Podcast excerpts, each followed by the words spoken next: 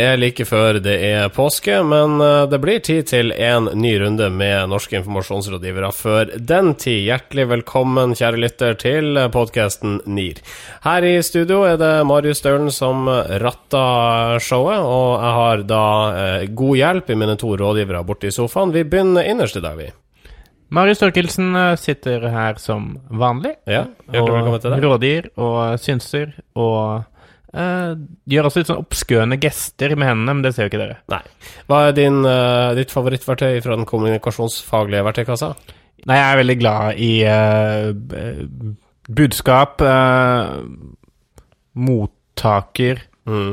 avsender, støy og tolkning, som jo er viktig når et budskap går for en avsender til en mottaker via støy. Ja. Via støy, ikke via kanalen. Nei, ikke via kanal. Nei. Uh, vi sier uh, hjertelig velkommen, og velkommen tilbake til deg, Sindre Holme. Well, well. Uh, tusen takk. well, det. well, here we are again. Yeah. Hvordan var det i det store utland? Nei, Det var veldig fint, altså. det var en uke, og det, det, holder å være en uke borte fra NIR. Én ting er jo at jeg føler at når jeg er borte herfra, og noen andre tar min plass, så blir jeg litt sånn nervøs. Jeg tenker at gjør de en for god figur, så kan det hende jeg ikke kommer inn døra når jeg kommer hjem. Ja. men det er verdt å komme seg litt ut av studio òg. Ikke bare sitte her og gnure. Ja, det kan være sant, det, selv om ikke jeg tror på det. Altså, vi, har, vi har jo en time i uka hvor vi spiller inn, resten av tida sitter jo bare her eh, og prater uten å ta det opp. Eh, det var sikkert deilig for deg å være litt utenfor. Det var faktisk litt, det var litt sjokk òg, egentlig. Å komme ut av døra og sol og ja, varme, uh, faktisk. Du bør vel kanskje si hvor du har vært? Jo, jeg har vært i Austin, Texas på South by Southwest Interactive, som er uh, vel uh, verdens største konferanse for Eh, interaktivitet og teknologi. Eh, kommunikasjonsteknologi. Mm -hmm. mm. Uh, og mens du var der, så gjorde du en uh, greie for oss. Du laga et intervju med Brian Sollis. Uh, vi hørte på det i forrige sending, og lyden var ganske elendig. Hva var det som skjedde der? Nei, det som skjedde der, var at han, han er så, virker så utrolig proff, da, Brian. Han er forresten veldig, veldig lav, men har kjempestor autoritet. så jeg, jeg, bare Ja ja, Brian, sier du det, så, så blir det vel sånn. Jeg, jeg kom bort til en i, i Samsung Blogger Lounge. Det er sånn sted hvor folk henger mellom foredraga. Mm -hmm, bra sted. Shaquille, Shaquille O'Neal var der, og det var masse kjendiser der. Uh, og gikk bort til Brian Solis og spurte uh, har du Jeg, jeg kommer fra NIR, uh, kan vi gjøre et intervju? Ja, sure. men altså, og så sa jeg ja, kan vi ta det ute på gangen? For der var det relativt gode lydforhold. Nei, nei, nei, bli med inn her. Og så dro han meg inn i et sånt sted hvor det var noen sånn traller Folk kjørte noen traller forbi. Og det var masse skramlete lyder, men jeg turte selvfølgelig ikke å si hallo. Vi kan ikke være her. Så jeg bare tenkte vi, ja, vi prøver. Uh, og da ble jo lyden uh, Men det høres ikke ut som mikrofonen er i nærheten av han i det hele tatt? Jo, mikrofonen er absolutt i nærheten, uh, men tabben var vel egentlig å bruke telefon Nei, altså mikrofon i det hele tatt. Jeg burde ikke ha brukt mikrofon. Bare...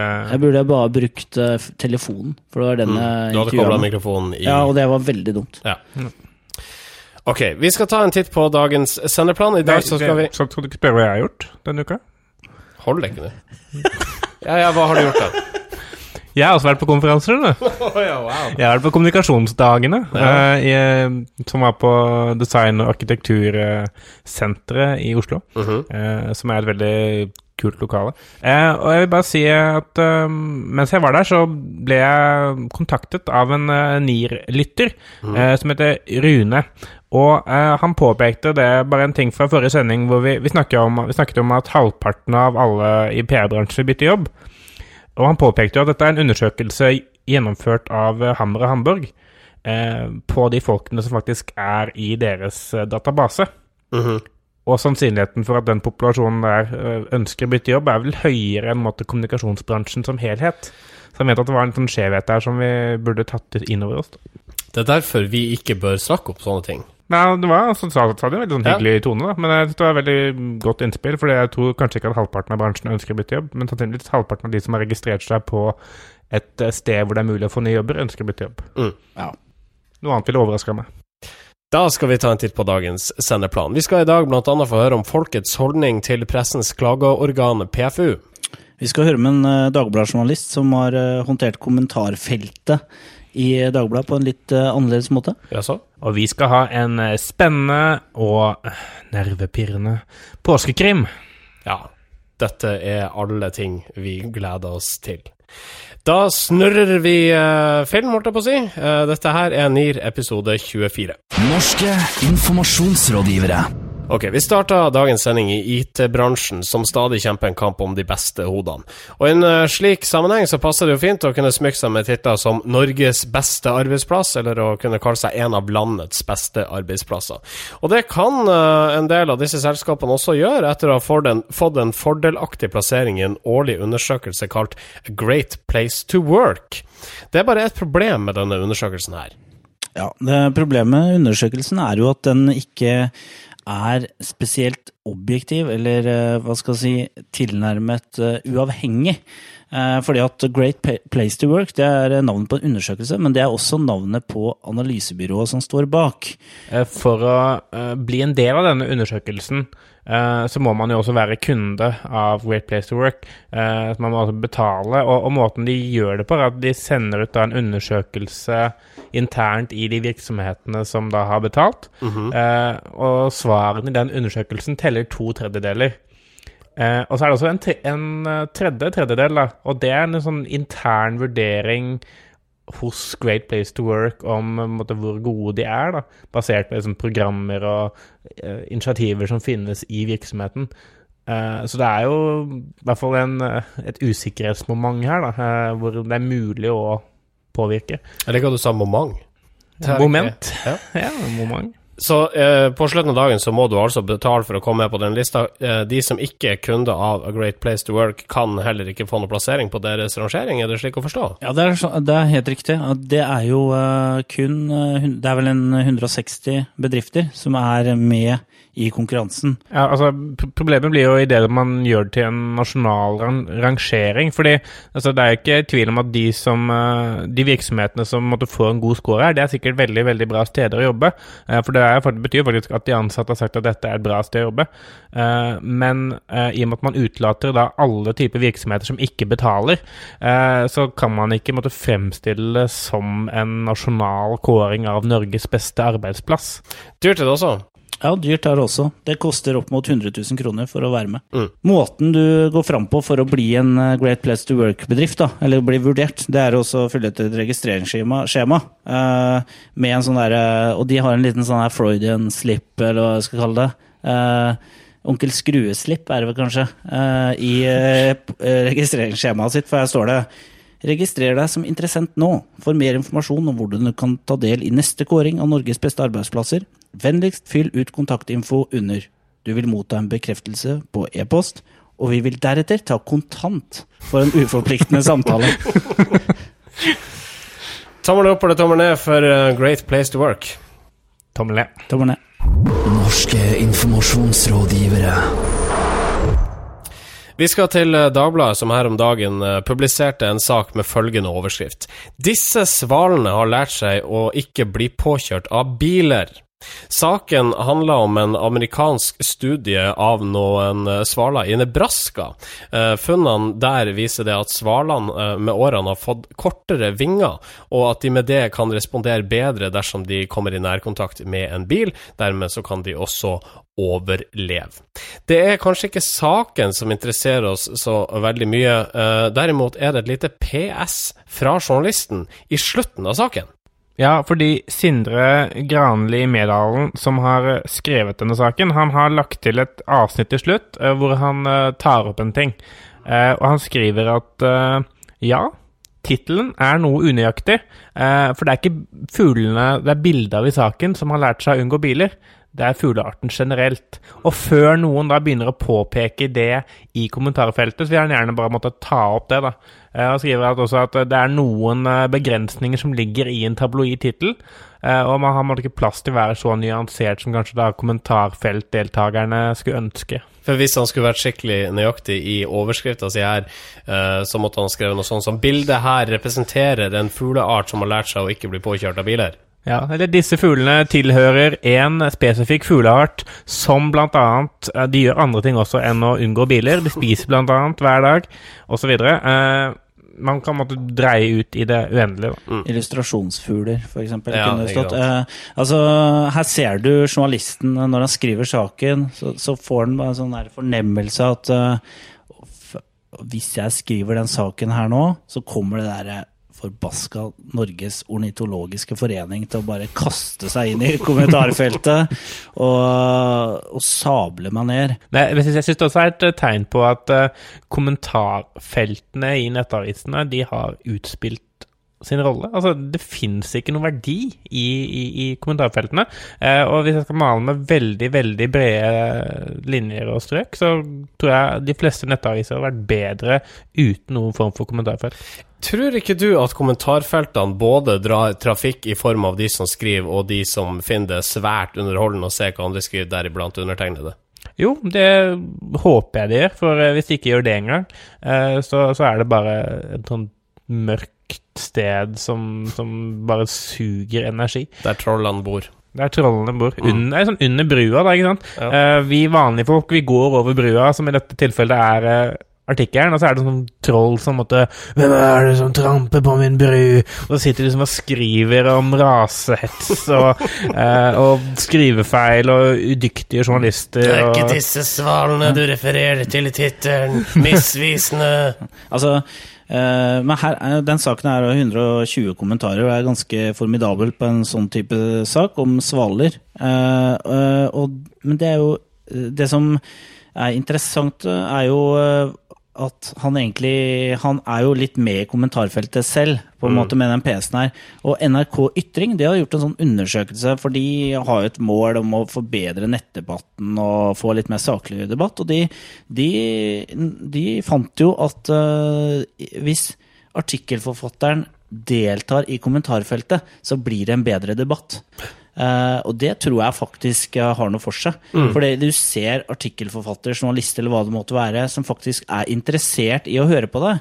Da vil du også opptre litt mer ryddig, tror jeg. Jeg føler for å nyansere det bildet ditt, uh, Marius Thorkildsen, for øvrig, når du sier det at uh, kommentarfeltene har utspilt sin rolle. For det skjer vel også det at uh, journalister kan få nyttig informasjon gjennom disse kommentarfeltene, og dermed kan enten skrive oppfølgingssaker eller korrigere et eller annet feilaktig presentert bilde. Jo, men jeg mener, at, men jeg mener at kommentarfeltene gir ikke noe verdi som ikke e-post gir. da. Altså, Det er ikke noen grunn til at alle skal se dette, her, da, med mindre da måtte man mistenker journalistene for å ønske å ikke ville ta innspill og måtte skjule hvor ting egentlig kommer fra. da. Så du er mot kommentarfelt? Ja, prinsipielt eh, mot kommentar kommentarfelt. Ikke kommentarer. Eh, jeg setter veldig pris på kommentarer. Eh, og jeg syns også det er greit at folk diskuterer ting måtte, på Twitter og sosiale medier og sånn. Eh, men kommentarfeltene har bare blitt en sånn parodi på seg selv. Tanken er god, formålet er godt, men det fungerer ikke. Skal vi gi en tommel opp eller tommel ned for dette PS-et til eh, journalist Sindre Granli Meldalen? Tommel opp. Jeg gir tommel opp. Norske informasjonsrådgivere. Da skal vi snakke om eh, folket og deres meninger om så mangt. Tre av fire nordmenn vil bøtelegge medier for presseetiske overtramp. Det viser en eh, undersøkelse analysebyrået Yougov har utført på vegne av bransjebladet Kampanje. Kampanjen sin eh, undersøkelse kommer jo litt i kjølvannet av, ting som har skjedd i Storbritannia. Mange husker jo News of the World-skandalen. Altså Rupert Murdochs tabloidavis som eh, ble nedlagt. eh, ikke minst pga. mange avlyttingsskandaler og systematisk eh, brudd på både loven og presseetikken. Og i Storbritannia så har det jo kommet til at skal, at medier skal kunne få bøter på opp mot 9 millioner kroner for brudd på etiske normer. Og så langt har vi ikke kommet her. Nei, for Eh, vi har PFU som på en måte håndterer eh, klager på eventuelle presseetiske overtramp her hjemme. Hva skjer med en avis som blir dømt i Pressens faglige utvalg? Det er en selvjustisordning eh, her hjemme. eh, Sånn at eh, et medium som blir eh, felt i PFU, eh, må demontere saken eh, på redaksjonell plass. Eh, Men eh, i praksis, det som skjer i praksis, er jo ofte at man beklager eh, på et sånt litt unnselig sted i avisa, eller på en sånn måte at folk ikke får det med seg. store forskjellen her er at altså, PFU er jo utnevnt av journalister, og de som sitter i PFU, er utnevnt av, måte, av likemenn. I, I England så går de bort da fra måte, deres PFU-ordning, eh, eller det tilsvarende, og eh, nå så er det et råd som eh, oppnevnes, som ikke lenger oppnevnes av journalisten, men som skal kunne ilegge bøter. Mm. Eh, og det endrer hele den derre eh, dynamikken mellom hvor, pressen selv måtte, kan, kan straffe seg selv og holde oppsyn med seg selv, til at andre nå skal holde oppsyn med pressen. Men det er jo sånn at en ting er at man kan bli dømt i PFU, og avisen må demontere på redaksjonell plass. Eh, men eh, altså, dersom man føler seg injurert av en avis, altså man føler seg utsatt for et grovt overtramp av eh, en eller annen avis, så kan man jo gå til sivilt søksmål for å få den erstatninga, og med det også gi eh, utgiveren en smekk på pungen.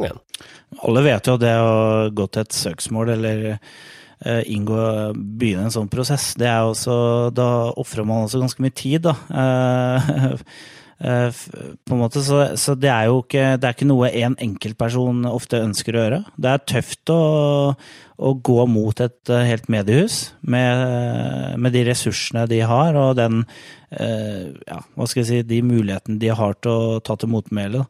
Um, men det er klart, altså, her hjemme så har det vært en debatt om medieofre uh, lang stund, egentlig.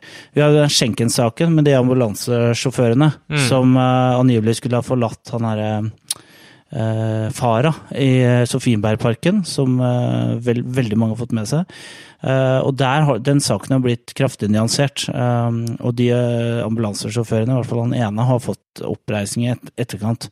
Men spørsmålet er jo hva liksom Hvis du veier for og imot, altså den, den pressedekningen du får når det står på, den er vanskelig å rette opp igjen. da. Mm. Ja, det er vanskelig å liksom få tilbake det. uh, ja. Ja, vi hadde jo også Livet. Marte Krogh, eh, som av eh, VG ble urettmessig behandlet.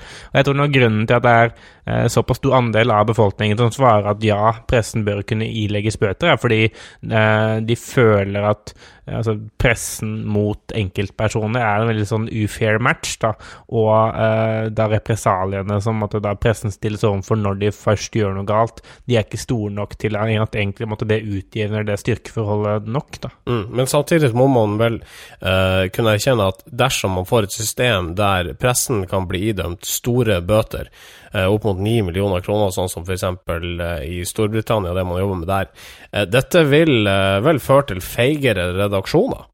Ja, sannsynligvis, eh, men det forutsetter jo at eh, de allerede er feige. Eh, altså, altså, redaksjonene måtte med nok integritet og nok pågangsmot, og ikke, nok, ikke minst altså, dyktige nok journalister, vil jo kunne skrive og utarbeide saker som, som holder, i, både i retten, men også i denne institusjonen. Så jeg tror kanskje det vil føre til dyktigere journalister, eh, forhåpentligvis, eh, hvis det skjer i Norge. Eh, Jeg tror kanskje ikke at vi har kommet dit at, at vi trenger det. Eh, Jeg vet ikke om det er riktig vei å gå i England heller, men, men det er interessant. Spørsmålet er om ikke PFU kunne vært litt mer kreative hvordan de straffer i dag. Altså Hva med f.eks. om et eh, mediehus eller en avis da, var nødt til å bare bruke all eh, reklameplass til å si unnskyld, f.eks. En, dag, eh, en dag etter eh, eh, domfellelsen. det Altså, hadde blitt økonomisk smekk i samme slengen, det. Ja, det hadde det. Og Det det, jo, og det hadde jo også vært da eh, kun en taper og ingen vinner. Eh, og det hadde kanskje vært en fin ordning, for det i den grad da noen faktisk kan få ni millioner i erstatning, så er det klart at det er mye opportunisme inne i bildet her også. Ja, ikke sant. Men det er jo eh, i hvert fall utbredt oppfatning, og jeg tror mange journalister selv også føler det, eh, at uh, journalister er dårlige til å si unnskyld. Det er nesten like dårlig som politikere. De pakker inn uh, beklagelsene sine. Så uh, det er et eller annet med Jeg tror egentlig det folk flest er ute etter, er egentlig at journalister kan vise litt mer ydmykhet. Da. Så nei til eh, økonomiske sanksjoner fra et eller annet pressefaglig utvalgorgan, men ja til mer eh, ydmyke journalister som tør å si unnskyld på en ordentlig måte? Ja. Rett og slett. Du er på podkasten NIR, og det er siste sending før vi tar ei ukes uh, påskeferie. Og Sindre, du har jobba ganske lenge med et uh, prosjekt i anledning Den gule høytid. Det har jeg gjort, fordi at vi, vi kjenner jo alle de her um, urnorske tradisjonene med å spise appelsin og Kvikk Lunsj. Men det er jo ikke bare det vi gjør i påska. Vi leser jo krim, og vi hører på krim, og vi ser på krim. Ja. Og eh, selvsagt skal vi NIR også bidra eh, med vår eh, på, påske... Ja, selvsagt skal vi det. det Jeg tror ikke, ikke siden eh, krimromanene til Kjetil Try har det vært noe like bloddryppende og intens eh, krim fra den kreative delen av, eh, av kommunikasjonsbransjen. Mm. Eh, Du har altså forfatta en påskekrim, skrevet for podkast.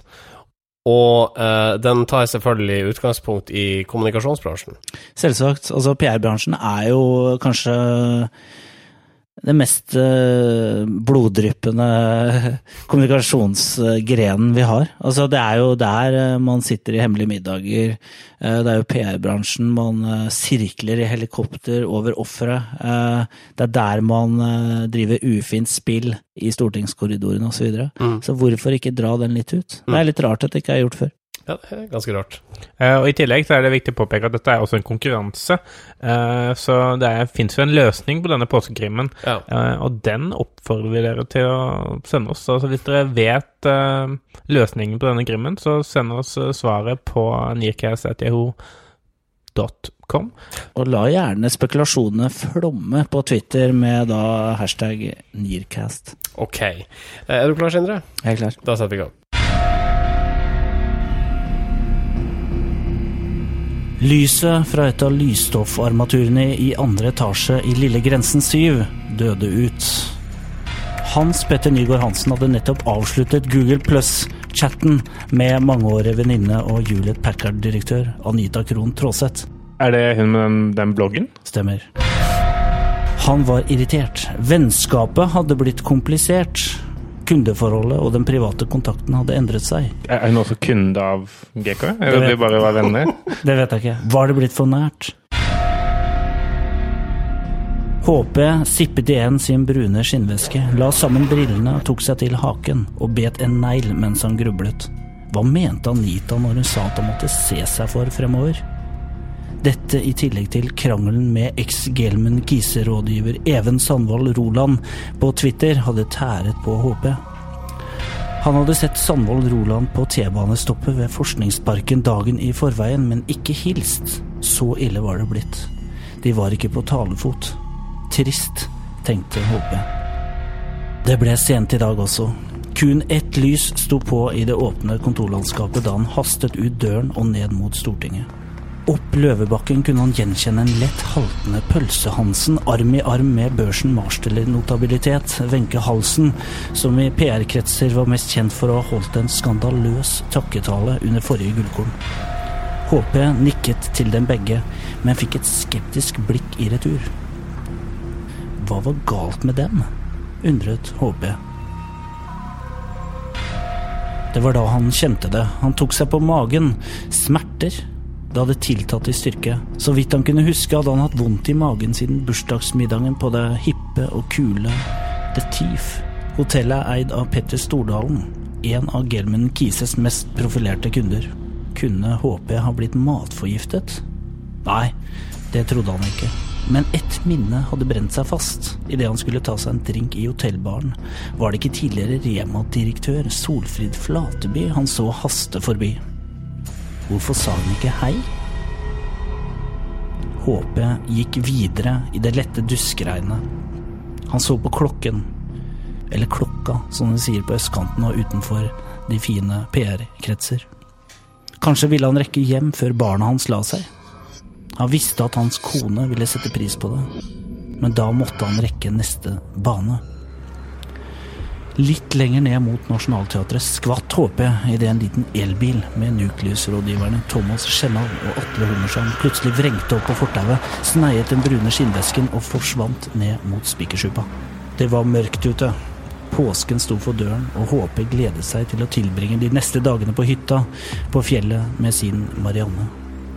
Det var bare to ting som bekymret han. Magesmertene og de gåtefulle ytringene som i det siste hadde dumpet ned i kommentarfeltet i bloggen hans. Var det Jørgen Helland? Eller kanskje kollega Marius Eriksen? Han syntes i så fall at det var en dårlig spøk som hadde gjort at han hadde ligget våken om nettene for å gruble på hva meldingene egentlig betydde. Det var makabre beskjeder om hestehoder i senga og galger med gordiske knuter. Det føltes som en uløselig sosiale medier-strategi. Han fikk det ikke til å gå opp. Inne på Dinner lenger ned i gaten satt bergensrådgiveren Trond Albert Skjelbred i intim passiar med kunde og tidligere glamourmodell Lene Alexandra. Og inne på teaterkafeen kunne HP skimte kom-sjef Morten Voldsdal skåle innbitt med First House-sjef Per Høiby. Hvorfor denne ampre stemningen, tenkte HP. Og hvorfor alle disse PR-rådgiverne på samme sted akkurat nå? Magen ble ikke bedre. Han tok en pille fra glasset som Gambit-sjef Ole Tom Nomeland hadde gitt ham som avskjedsgave den gangen han gikk til konkurrenten Gelman Kise. Han husker fortsatt ordene han ble takket av med. Lev med det, eller dø med det. Han forsto det ikke, men Ole Tom var kjent for å si mye rart. Det var da han passerte teatret at HP så det for seg. Puslespillets siste brikke. Den avgjørende payoffen i kampanjen. Det var som om alle hans bekymringer ble løst der og da. Han visste hvorfor og hvem, og han visste at han måtte komme seg bort herfra fort. HP tok seg til magen, snudde og hevet armen for å få en taxi som nærmet seg til å stoppe. Han fikk en vond smak i munnen. Den jævla dritten, sa han til seg selv. Jeg burde ha skjønt det før. Det var da han kjente et stikk i kroppen, et dunk i hodet, før han mistet følelsen i munnen og blikket hans flimret som rotoren på et helikopter. Så ble alt svart. Hans Petter Nygaard Hansen var død. Hvem drepte Hans Petter Nygaard Hansen? Send ditt svar til nearcast at yahoo.com. Ikke gjør dette. Da skal vi til Canada og klesmerket Lululemon, som denne uka kalte tilbake sine populære yogabukser fordi de var for gjennomsiktige. De sa samtidig at de var i kontakt med produsenten av disse buksene her for å forbedre tykkheten på stoffet. Men produsenten nekta for å ha vært i kontakt med Lululemon. Ja, det var altså eh, De som ikke helt vet hva yogabukser er, så anbefaler jeg å, å google det. Eh, eh, det. er PR Daily som, som, som melder dette her, og melder at Lululemon har jo eh, noen ganske sånn karakteristiske yogabukser, visstnok, som er veldig populære i USA. Eh, så har det kommet eh, dem for øre at stoffet er litt for gjennomsiktig og litt for tynt. Så de sa at ok, nå trekker vi alle tilbake igjen. Vi ønsker å gi dere bukser som er tjukke nok til at dere kan gjøre både downward facing dog og alle mulige strekkøvelser uten å måtte være bekymret for hvem som ser hva. Og så sa de at nå, og vi samarbeider samtidig med vår produsent for å få løst dette her, og for å måtte, få tykkere bukser. Og så sier produsenten at nei, men vi har ikke hørt noe om dette her. Eh, vi har verken vært i kontakt med Lululemon eller noen andre. Og de så det skrytt på seg kontakt med sin egen produsent? Ja, det er nettopp det som er sånn ikke gjør dette der. Altså, det er et veldig sånn velkjent PR-grep og sånn, dytt dritten nedover, da. Finn en eller annen syndebukk. Eh, litt av problemet til Lululemon er at det er ikke første gang de er i trøbbel. For de har også hatt problemer med noen bukser tidligere som, uh, hadde, som farget da. Sånn at her virker det rett og slett som om de har altså på en måte kutta kostnader i produksjonsleddet. og og kutte kostnader, da faller kvaliteten. Ja, for det, det er tydelig at det er et eller annet med at marginene til hele klesbransjen en måte såpass at man er nødt til å, til å spare penger. Og, og, det er sånn det de har gjort også. Kanskje bestilt en batch med bukser som uh, skal være litt tynnere, og ingen egentlig tenker på det. Og så har jeg sett oi, shit, de er såpass så tynne at uh, At det blir ubehagelig å, å, å, gjøre yoga i dem.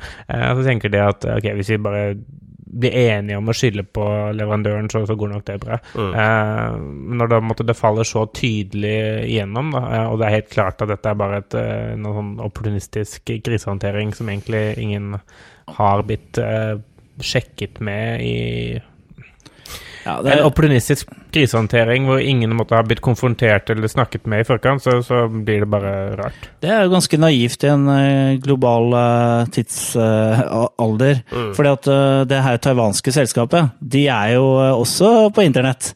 Uh, og de altså er selskapet som produserer eh, Ja, ja, altså de er jo uh, veldig tilgjengelige, de også. Og de begynner å bli ganske store, de her produsentene i Taiwan og Kina og de landene her. Så det er så klart ekstremt viktig for dem at de ikke kommer dårlig ut av en sånn sak. For gjør de det, så er det tusenvis av arbeidsplasser også hos dem som uh, står i fare. Så, så det er liksom det det her med å ikke, ikke gjøre internkommunikasjonsjobben eh, først, da. Eller uh, kartlegge liksom underleverandører, Eller bare gjør det du sier at du har gjort. Eller gjør det du sier har gjort. Mm. Ja, så enkelt er det vel. Så ikke eh, si at du har prata med produsenten din hvis du ikke har gjort det. Nei, ikke skilt på underleverandører som ikke er, ikke er klar over at de har gjort en feil. Marketing 3.0. Social business. Cloud computing. Social shopping. Begrepsforvirring. Og begrepet som forvirrer Nirs redaksjon denne uka, er jantelov. Vi har litt lyst til å snakke om, om uh, jantelovbegrepet, fordi vi syns at uh, Eller jeg syns i hvert fall, og det tror jeg kanskje dere er enig med meg også, at det er blitt det er gått fra å måtte være et begrep som liksom uh, beskriver veldig godt uh, det der med at ingen skal ha, få lov til å stikke seg ut, og ingen skal måtte tro de er noe, til å bli en sånn hersketeknikk. da. Så hvis du måtte hadde kritisert meg for noe, så kunne jeg sagt ja, men åh, det er så typisk janteloven at uh, du skal kritisere meg for uh, at jeg har sagt disse tingene, eller gjort disse tingene. Når- det er åpenbart at det er gjort noe som er litt galt eller litt rart, eh, så brukes ofte det jantelov som et forsvar for at eh, jeg har gjort det. La oss ta janteloven aller først. Eh, det er altså en tekst skrevet av Aksel Sandemose tilbake på 30-tallet, presentert i En flyktning krysser sine spor. Eh, den første loven i eh, byen Jante, er det vel, er 'du skal ikke tru du er noe'. Ja, det er nettopp det folk forbinder med janteloven også. At du skal ikke stikke deg fram og tro du er noe bedre enn andre, eller tro du er noe annerledes enn andre. Eh, og det blir gjerne forveksla med det og egentlig Det å være litt prippen, da. Og det er noe helt annet, egentlig. Mm -hmm. uh, I, I den uh, eksempelet som Marius var inne på her, så Ja, for eh, du har et eksempel på hvordan janteloven brukes i dag. Ja, det er et, et morsomt uh, eksempel fra, fra forrige helg, hvor eh, eh, jenten, altså skiskytterjentene hadde sin, eh, en av sine siste renn. Og eh, Emil Hegle Svendsen, som er en mannlig skiskytter, han eh, sto og så på dette dette rennet. Og så bestemte han seg for å blotte seg til, til skiskytterjentene som gikk, gikk forbi, bl.a. av norske Tora Berger. Det fikk en del oppmerksomhet, mest, mest sånn ha-ha, det var morsomt gjort, men også litt kritikk. Uh, og så forsvarer da han som er uh, idrettssjef i Skiskytterforbundet, uh, Per Arne Botnan, med at eh, han, eh, han synes det bare er guttestreker, og det er litt sånn eh, typisk Norge at Uh, janteloven står så sterkt at man ikke engang kan blotte seg foran uh, forbi altså, passerende uh, skiskytterjenter. Ja. Misbruk av janteloven?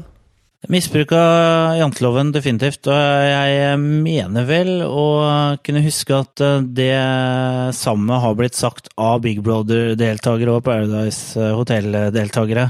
Ikke at jeg har sett så mye på de seriene, men oh. ja, ok, da. Men altså, det, det er liksom man bruker ja, ja, kan man ikke være seg sjæl, da? Altså, det er litt sånn derre Å være seg selv, det er liksom Det er det beste Det er mange som mener det er veldig viktig å være seg selv, men hvis man er en idiot, tulling, skal man da øh, være seg selv, eller skal man prøve å forbedre seg? Kan man skylde på janteloven hvis man ikke prøver å forbedre seg? Nei, det er det man ikke kan gjøre. Nei, det er sånn der når eh, en av disse Paradise Hotel-deltakerne har drukket, drukket tolv Tequila shots og måtte ligget med tre av eh, fire finalister eh, i, eh, i, i finalen der, eh, og så får han litt kritikk for det, eh, så er det sånn ah, Så typisk Norge og jantelov gang på gang. litt sånn- Potet-Norge. Potet-Norge. Eh, og apropos kommentarfeltet, som vi var innom tidligere, da, så er altså jantelov er et begrep som florerer i kommentarfeltet. Mm. Eh, og hver gang da noen blir kritisert for noe som man er uenig i at de bør bli kritisert for, så er det som jantelov som trekkes fram som eh, forsvar. da. Mm. Jeg arresterte fire barkrakker og ble bura inn av politiet, og så får jeg kritikk for det av kompisa. Jeg sa jantelov i denne byen, ass. Ja, eh, så nå håper vi at eh, dere har fått litt innsikt i hva jantelov egentlig er, og så må dere gjerne fortsette å stikke dere ut og gjøre ting som både er rart og galt, men eh, ikke skyld på janteloven når dere blir konfrontert med det. Norske informasjonsrådgivere. Ukas kudos. Kudosen denne uka er delt mellom forfatterne Arne Klyve og Jon Sæverud, som har skrevet boka 'Ordbok for underklassen'. Hvorfor det? Uh, disse mennene her, de er uh, pedagoger, og de har sett seg litt lei på at uh, politikere i det offentlige bruker helt uforståelig språk. Altså av typen styringsdialog, horisontal samordning, handlingskompetanse. Altså, det er Nei, dere hører jo Grete Faremo mm, når jeg sier dette her, men det er ikke bare hun som sier det. Det kunne vært Liv Signe Navarsete eller Helga Pedersen også. Uh, og, og sikkert uh, noen menn òg, som eh, kan si de tinga her. Altså, det Typisk er- jantelov at du skal beskylde norske politikere for å bare prate bli ja. Altså, det, altså Den eh, boka her skal prøve å uh, filleriste og egentlig pulverisere. Eh, kjø, mm, på en måte bazooka, skyte i stykker eh, disse begrepene. da. Ja, fordi- Eh, for de sprer seg som virus, Ja. mener disse folka her. Det er helt riktig. Og, og målet deres, eh, det er sånn godt formulert, er at eh, de ønsker å måtte, finne ut hva disse begrepene egentlig betyr, eller hva de muligens betyr. Eh, fordi i, Det er kanskje veldig tydelig sånn i politikkens verden. Da. I noen tilfeller så betyr jo disse ordene noe, altså man bruker det med et formål. I andre tilfeller så bruker man bare disse ordene for å bruke noen ord. Eh, fordi man liksom trenger å fylle 30 sekunder med snakk. Eh, og man trenger liksom å snakke om noe som høres sånn halvakademisk ut på en eller annen måte. Mm. Så regulative koordinasjonsordninger, det kan liksom bety litt sånn hva som helst da, hvis man fyller det med, med noe. Ja, altså de eh, Forfatterne her eh, mener vel også at det, det ligger en viss hersketeknikk også eh, i det. Altså det gjennomsyrer noen sånne maktstrukturer, det språket her. For det er klart, det er fremmedgjørende å bruke en type ord som ingen andre enn eh, du selv og taleskriveren din forstår. Mm. Eh, og det er også en måte å en måte kjøpe seg et handlingsrom eller kjøpe seg tid på, det å bruke den type ord. at hvis man sier Altså, Hvis man bruker ord som veldig mange ikke forstår, da, så vil man uh, kanskje slå seg til ro på at ok, det blir uh, med at uh, det blir Ja, det blir vel gjort noe. Det virker jo som uh, Faremo er på saken. Mm. Altså styrke fremmedord så. Nei, ikke sant? Altså her, Dette høres jo seriøst ut, og da tar jeg skikkelig på alvor at nå skal vi styrke samhandlingskompetansen. Så det, nei, det, det blir sikkert veldig bra, hva det nå øh, vil si i praksis. Mm. Arne Klyve og Jon Sæverud får altså kudosen for å rive fra hverandre tåpelige fyllord. Jeg antar du kan følge dem på Twitter? Nei, de kan ikke det. De kan bare følges i bokform. Norske informasjonsrådgivere. Dagens eh, sending går mot slutten. Eh, vi har en Facebook-konto som vi for noen sendinger siden lova å være mer aktiv på. Vi har lagt ut en del bilder og sånn i det siste, men kanskje det er rom for forbedring her? Ja, nå er det på tide at dere er aktive, eh, tenker jeg. Jeg har bidratt med mitt. Jeg har lagt ut bilder. men får vi kommentarer på det? Nei. Får vi likes? Litt. Ja. Eh, så med mindre dere som lyttere blir mer aktive, så gidder ikke vi å bli mer aktive. Oi, uh, det var frekt sagt. ja, jeg tror ikke vi får noe mer likes av det, av det der. Altså. var masse unlikes. Som, uh, Men kom som, gjerne med eh, innspill på hvordan den kan bli litt mer engasjerende. Det kan du gjøre. Ja. Facebook-adressen vår er facebook.com slash nearcast. Vi har også en e-post dersom du ønsker å komme i kontakt med oss på det viset. Den er nearcast.yahoo.com. Ja, og vi er tilgjengelig på iTunes, men har også en SoundCloud-konto, hvis du foretrekker det. Soundcloud.com slash nearcast. Jeg tror vi avrunder der, jeg. Ja. God Og- påske! Ja, jaggu det, eh, og avslutningsvis, som i høytiden, så har vi selvfølgelig en eh, påskesang. Har vi det, ja? Ok. Kjør på. Jeg tror ikke jeg kan noen påskesanger. It's the most wonderful time of the year. We got Easter bunnies and candy and children and Easter beer. It's the most wonderful Easter in the year. For dere som ikke har lytta eh, så lenge på Nir, eh, Cast-sendingene, ja, Ja, så var det en referanse til vår julesending. ja. Så uh, hør på den, kanskje. Ja. Mitt navn er Marius Stølen. Sindre Holme. Marius Torkelsen. Ha en fortsatt fin dag og en riktig god påske. Norske informasjonsrådgivere.